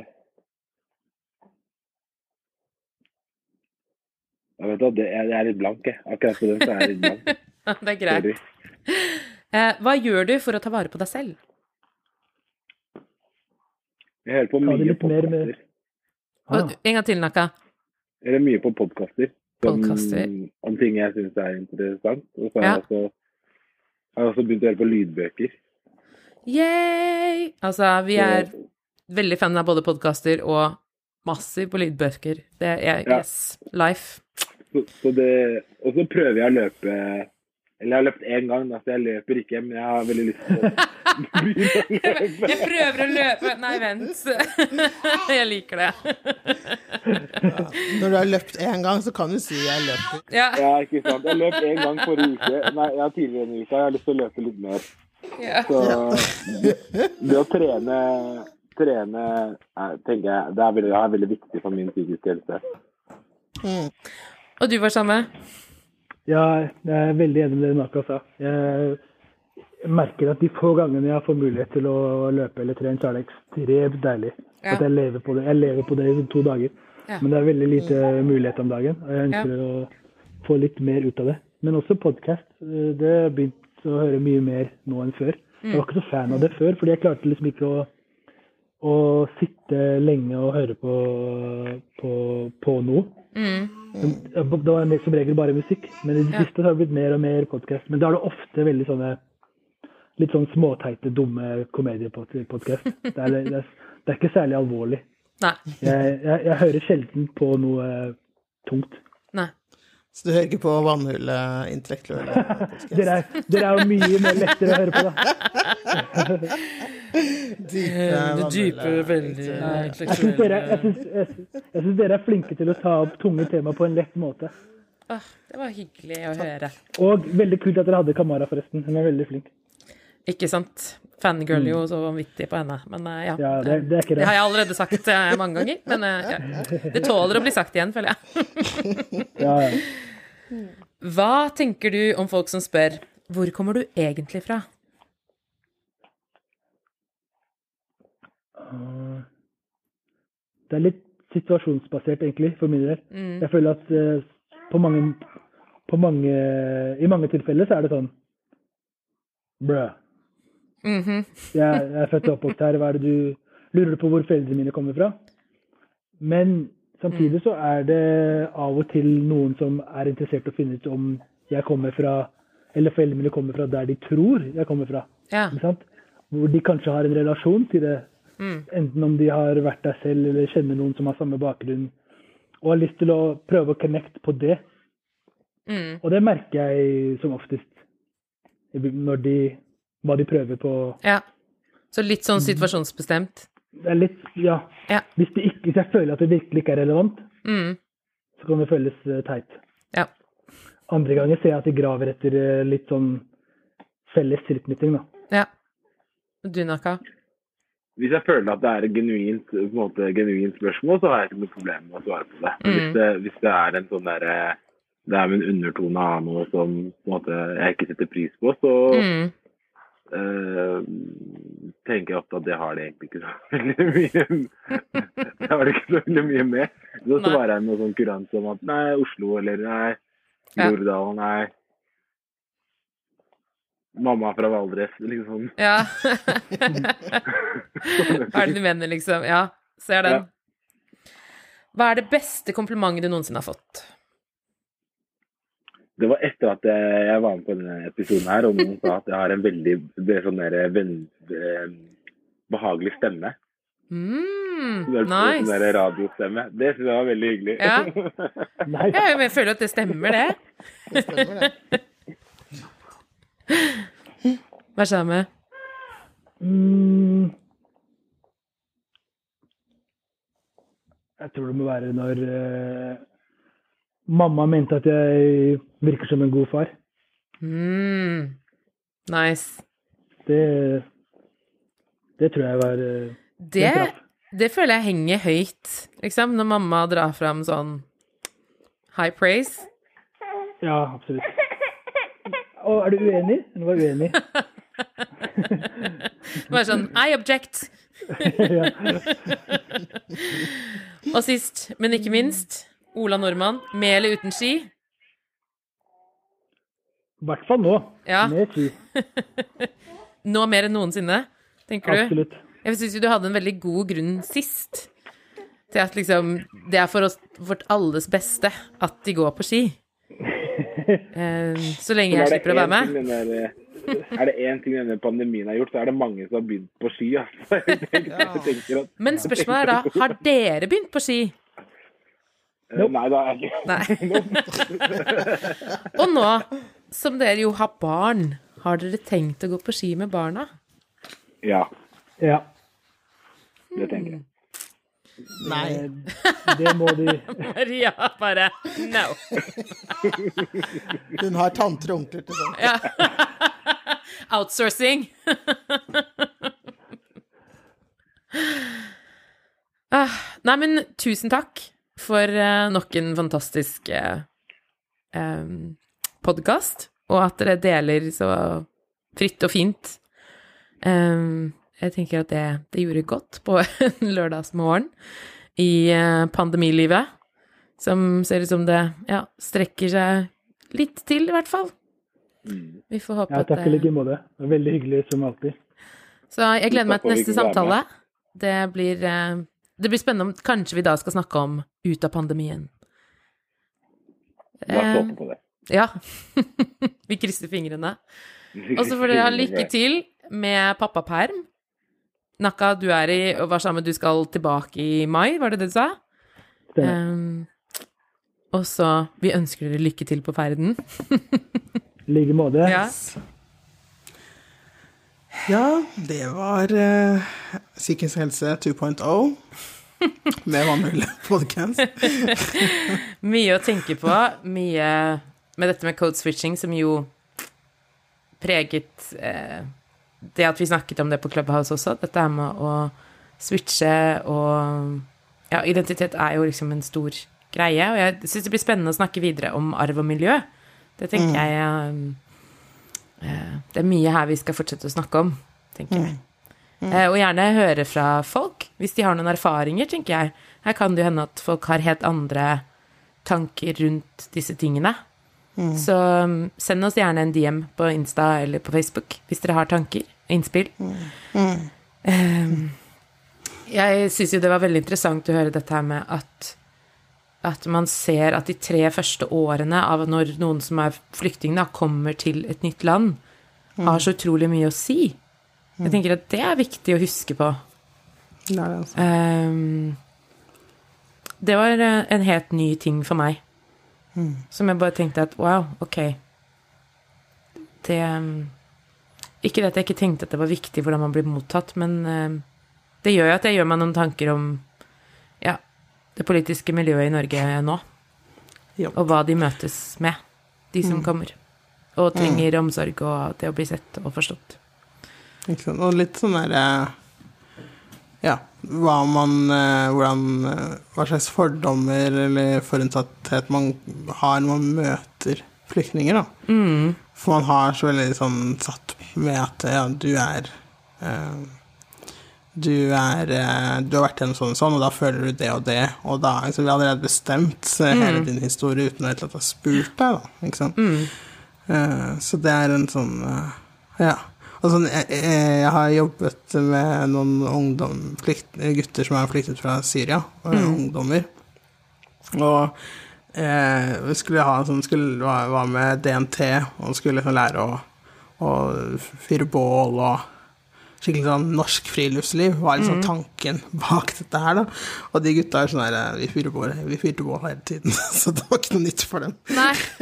De er bare sånn This is old news, sånn- liksom. Ja, og jeg var, da møtte jeg Jeg var sånn Ja, man fyrer på andre Altså fordi man blir så innprenta at eh, det er sånn norskt å gå på Ja. tur, og det er så norskt å, å grille og fyre bål i friluft. Det er liksom Det er bare nordmenn som gjør det. Det er liksom det man går rundt og tror, da, ikke sant? Ja, ja. Og så møter du disse gutta her, da, som bare så, Ok. What's the fuss about, liksom? Ja, det er veldig bra. Det er gøy. Og da var vi jo sånn «Ah, ok, ja, Vi er ikke så spesielle likevel, da. Okay. Skjønner, skjønner. det var en eh, Ja, det var en eh, eh, fin eh, si, ja, opplevelse, eller sånn Ja, du bare å møte seg selv i døra på der at uh, du tror du vet ting, men du har ingen null peiling, Maria. Bare fortsett å lære. Fortsett å stille spørsmål. Eller ja. Eller bare du har det er fortsatt liksom så mye å lære og forstå, og folk er så ulike og har så mange Så jeg tenker liksom sånn Vær nysgjerrig. Spør. Eh, Og vær nysgjerrig på en sånn måte som ikke er invaderende, men som faktisk er genuint 'jeg er interessert i å vite hvem du er'. Hvem er du under alle disse lagene med sosialisering og, og ting som skjer med oss, da? Hva er i deg? Jeg tenker at det, der ligger det mye spennende. Ja, men så var det skia, da. Ja, de er jo fortsatt pro, de. de Folk er positive. ja. Og de skal til og med lære barna å stå på ski. Det... Men det skal ikke du, Maria. Dem om det. Man tar noen livsvalg. Ja, men jeg tenker? Det er ting jeg kan bedre enn å gå på ski. Så da kan jeg heller lære min datter det. Og så kan hun ha flust av tanter og onkler som gleder seg til å gå på ski med henne. Så da tenker jeg, vær så god. Jeg tenker at det er ganske Take her. fornuftig outsourcing, tenker jeg. Det er veldig Ja. smart. Det er noe med det. Da kan jeg gjøre noe annet i mellomtiden. Og det er fint. Strateg, Maria. Strateg. Yes. yes, yes. Det er en grunn til at hun har syv faddere, liksom. Jeg skjønner. Jeg var sånn Ok, du er god på det, du er god på det, du er god på det, og så kan du lære sånn. Ikke sant? Det er noe med å bare dele på ansvaret Ja. av oppdragelse. Så Takes det a village, liksom. Det er It does. Yes. Så yes. Ja, men jeg tenker eh, Med det så sier vi takk for denne gang, Ja. tenker jeg. Ses vi neste uke. Eller høres. neste uke. Eller høres neste uke. Finn oss gjerne på Clubhouse hvis dere er der inne. Mm, Melaninrik Podcasting heter Yep. vi der. Woop, woop. Yes. Og så tenker jeg at da kan vi bare slutte med vask henda, ikke hat på hverandre, hold avstand, og del på ubehaget. Vi ses på vannhullet.